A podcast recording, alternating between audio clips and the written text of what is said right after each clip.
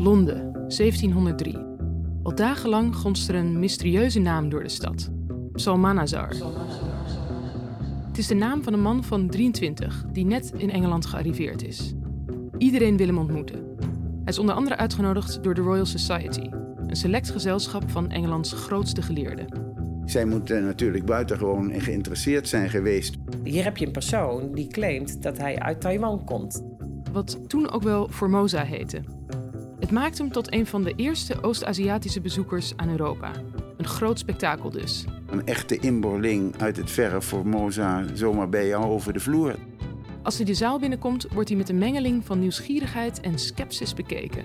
Waarschijnlijk met losse haren. Excentrieke kleren. Hij zal er alles aan gedaan hebben om zich zo exotisch mogelijk voor te doen.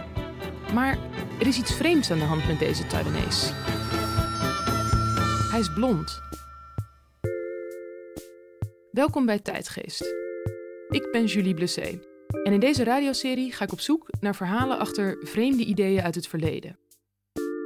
Deze week verdiep ik me in de persoon Psalmanazar. Hoe is het mogelijk dat begin 18e eeuw een jonge blonde Fransman Europeanen er jarenlang van wist te overtuigen dat hij uit het verre eiland Taiwan kwam? Hij fantaseerde zelfs een heel boek bij elkaar over Taiwan, wat overal in Europa werd gelezen en geloofd. Wat zegt dat over die tijd? Hoe hebben we daar zo in kunnen stinken? Daar komt het in feite op neer. Al dus een kenner van de geschiedenis van Taiwan. Misschien moeten we gewoon beginnen met ehm, dat je jezelf even voorstelt. Nou ja. Ja, Ja, ik moet toch, ik moet toch je naam er even in zetten. ja. Ehm, Dit is Leonard Blessé. Emeritus hoogleraar ehm, in, eh, in Leiden, de geschiedenis van de Europees-Aziatische betrekkingen. Ja, en je bent, bent ook mijn vader, dat zal ik er dan ook wel bij moeten zeggen. Ja, ja. Eh, en ik moet ook nog even zeggen, ik ben ook geadopteerd door de, door de Tso-stam. Mijn eigenlijke naam is Awai. Omdat hij in de jaren zeventig een tijd bij de Tso veldwerk heeft gedaan. Vandaar. Maar waar waren we gebleven? Terug naar de Royal Society in Londen. Elke woensdagmiddag komen geleerden daar samen om van gedachten te wisselen over de nieuwste uitvindingen, ideeën en rariteiten. Ze hebben net de genitaliën van een buidelrat bestudeerd. En nu mag Psalmanazar, geïntroduceerd door de bisschop van Londen, komen vertellen over Taiwan. Hij vertelt over een exotische, hoogst verfijnde beschaving, waar de huizen met goud bedekt zijn en de koningin zijde in het haar draagt.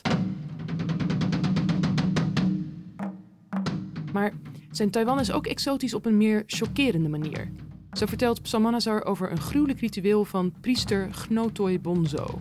Die eerst eh, jaarlijks iets van 18.000 jongens eh, zou hebben verzameld. eh, hun harten eruit gehaald, het vlees gekookt. En dat aan de goede gemeenschap van gelovigen zou hebben ge- gevoerd.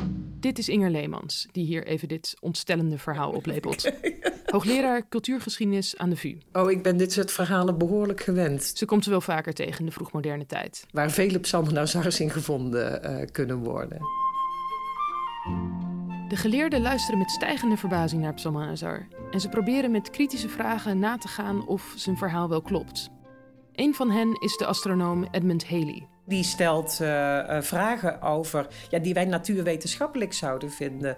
Over hoe, eh, het licht, hoe de lichtinval is in huizen in Taiwan. Bijvoorbeeld, hij vraagt aan Psalmanazar van, kun je jouw schaduw beschrijven? Maar die vraag weet Psalmanazar makkelijk te pareren. Zegt hij, ja, nee, de schoorstenen zijn gekromd. Dus er valt eigenlijk geen licht binnen in de huizen. Eh, en zo eh, ja, kletst hij zichzelf er eigenlijk eh, makkelijk uit. En dan zie je ook dat het, ja, het is een goede debater. Enorme charismatische werking ging er van deze man uit. Inhoudelijk weet hij zich uitstekend te verdedigen.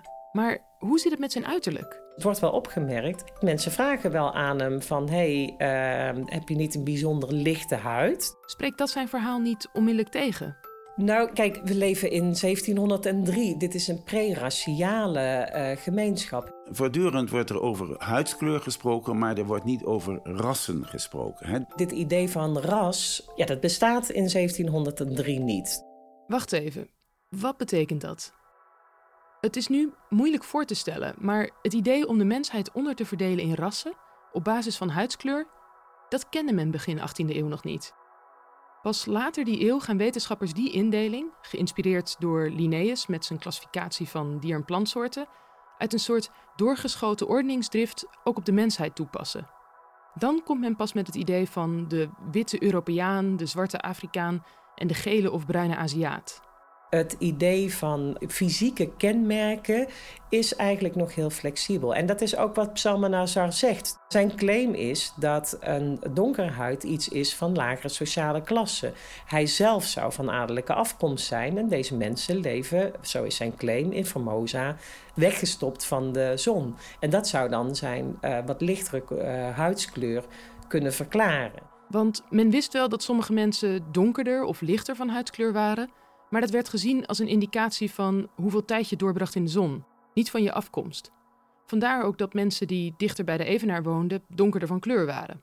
Dus dat verhaal van Psalmanazar. Dat is op zich een hele begrijpelijke verklaring. En zo weet Psalmanazar de Royal Society te overtuigen van zijn verhalen. Zijn optreden vormt het startschot van een bloeiende carrière als nep-Aziat. Ja, mensen komen van heinde en ver om hem te zien. Echt een beroemdheid. Wordt zelfs in Oxford uitgenodigd. Spreekt allemaal enorm tot de verbeelding. Een interessant curiosum. En een jaar later schrijft hij en publiceert hij zijn verslag van uh, Formosa. Je begint met een leugentje en het wordt steeds ingewikkelder, steeds ingewikkelder. Alleen bij hem is dat eigenlijk uitgemond in een prachtig boek. Nou, dat is een gouden greep. Dat boek uh, krijgt verschillende edities, wordt vertaald in verschillende talen. Dus zo wordt hij ook internationaal een beroemdheid, zou je kunnen zeggen. Psalmanazar werd geloofd. Dat zijn uiterlijk niet als een probleem werd gezien, is dus wel te verklaren. Maar toch, ze hadden beter kunnen weten. Taiwan was namelijk drie decennia lang een kolonie van Nederland geweest. Het was eigenlijk de eerste grote kolonie die de Nederlanders in Azië hadden. De belangrijkste schrijver over Taiwan was Candidius. Hij was door de VOC naar Taiwan gestuurd om voor de Nederlanders als dominee te dienen. Hij heeft toen een ongelooflijk interessante beschrijving gegeven, hele goede analytische beschrijving van hoe die hele samenleving in elkaar zit. En die wordt nog steeds tot de dag van vandaag gebruikt. De beschrijving van Taiwan van Candidius sprak die van Psalmanazar op allerlei punten tegen. Maar dat betekende nog niet dat Psalmanazar daarom kon worden afgeserveerd. Want Psalmanazar en Candidius waren allebei eenlingen. De status van kennis is natuurlijk sowieso nog voor een heel groot gedeelte, als het gaat over Formosa, gebaseerd op al die eenlingverslagen. Dus het is zijn verhaal tegen het verhaal van iemand anders. Kortom, wie is hier de charlatan? En dan blijkt mij weer dat de werkelijkheid soms moeilijker te geloven is dan een mooie leugen. Neem het verhaal van Candidius dat Taiwanese vrouwen pas na hun dertigste voor het eerst kinderen mogen krijgen. En dat voor die leeftijd elke zwangerschap met een abortus werd beëindigd. Dus ze zaten niet in het lichaam te wurmen. Nee, het werd allemaal gebeurd door massage van, van, van buitenaf. Ja. Dat was natuurlijk iets totaal unieks dat dat zomaar gebeurde. En uh, heel chockerend voor de westerse lezer in, in die tijd. Nou was Psalmanazars verhaal over mensenoffers natuurlijk ook wel chockerend. Maar dat soort verhalen kende men al over plekken als Mexico. In vergelijking daarmee klonken de ingewikkelde abortusmassages van Candidius veel vergezochter. Wat Psalmanazar doet in zijn boek is de balans zoeken tussen het wonderbaarlijke en het geloofwaardige. Dus aan de ene kant vertelt hij fantastische en zeer spannende verhalen over het offeren van jongelingen en het opeten van hun vlees. En aan de andere kant probeert hij Formosa ook naar het Westen toe te schrijven door te vertellen dat ze klassieke talen leren. Dus aan de ene kant maakt hij het exotischer en aan de andere kant probeert hij het te beschrijven in termen die al herkenbaar zijn.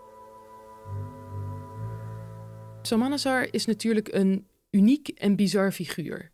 Maar hij is ook een afspiegeling van zijn tijd. Met zijn zorgvuldig uitgewogen stukje exotica speelde hij perfect in op de behoeftes van zijn publiek. Want zoals Amerikaanse vrouwen in de jaren 50 hun cocktailfeestjes graag opluisteren met pseudo-exotische muziek op jazzritmes, zo droomden in Psalmanazars tijd de lezers graag weg bij verhalen over verre oorden. Publiceren, dat is big business. En, en, en uh, uitgevers die willen dolgraag dit soort verhalen hebben. Dus je ziet die markt ook uh, lezers soort van verslaafd maken aan informatie over andere volkeren. Salmanazar publiceert zijn boek op het hoogtepunt van nieuwsgierigheid naar exotische verhalen. Maar hij maakt ook een omwenteling mee naar een nieuwe manier van denken. De verlichting. Een tijd waarin kennis gesystematiseerd en gefilterd wordt. In grote encyclopedische werken. Waarbij kennis op een hele andere manier bemeten gaat worden. Dat zijn niet meer die uh, individuele uh, verhalen van Candidius versus Psalmanazar. Psalmanazar wordt nooit echt ontmaskerd. Maar het geloof in de interesse in zijn verhalen verdwijnt. Hij kan niet meer leven van zijn Taiwan-act. Hij wordt broodschrijver voor dezelfde encyclopedische werken die de nieuwe gezaghebbende bron van kennis worden. En in zijn memoires, die pas na zijn dood verschijnen, schrijft hij dat hij via dat werk aan het eind van zijn leven de kans krijgt om alle onwaarheden die hij over Taiwan heeft gespuit toch nog een beetje recht te zetten. Dus als encyclopedist gaat hij schrijven over ene Psalmanazar die uh, fabuleuze verhalen zou hebben uh, verteld. En die discrediteert hij dan. En dus zie je hem in de rol van encyclopedist opeens zichzelf wegschrijven uit het veranderende kennissysteem. Of Psalmanazar nou echt uit berouw besluit om uit te komen voor zijn bedrog, dat is niet duidelijk.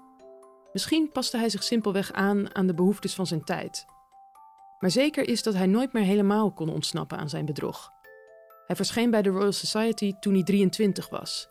En hij zou pas op zijn 84ste sterven. Al decennia ingehaald door de tijdsgeest. Wat fascinerend is, is dat achteraf nog steeds niemand weet hoe hij eigenlijk wel heette. dus hij heeft een naam verzonnen. Ehm, hij heeft daar eigenlijk een hele reputatie aanvankelijk mee verspeeld. Maar tegelijkertijd was hij zo beroemd vanwege die naam dat hij niet anders kon dan ook als die persoon voort te leven. Psalma Nazar.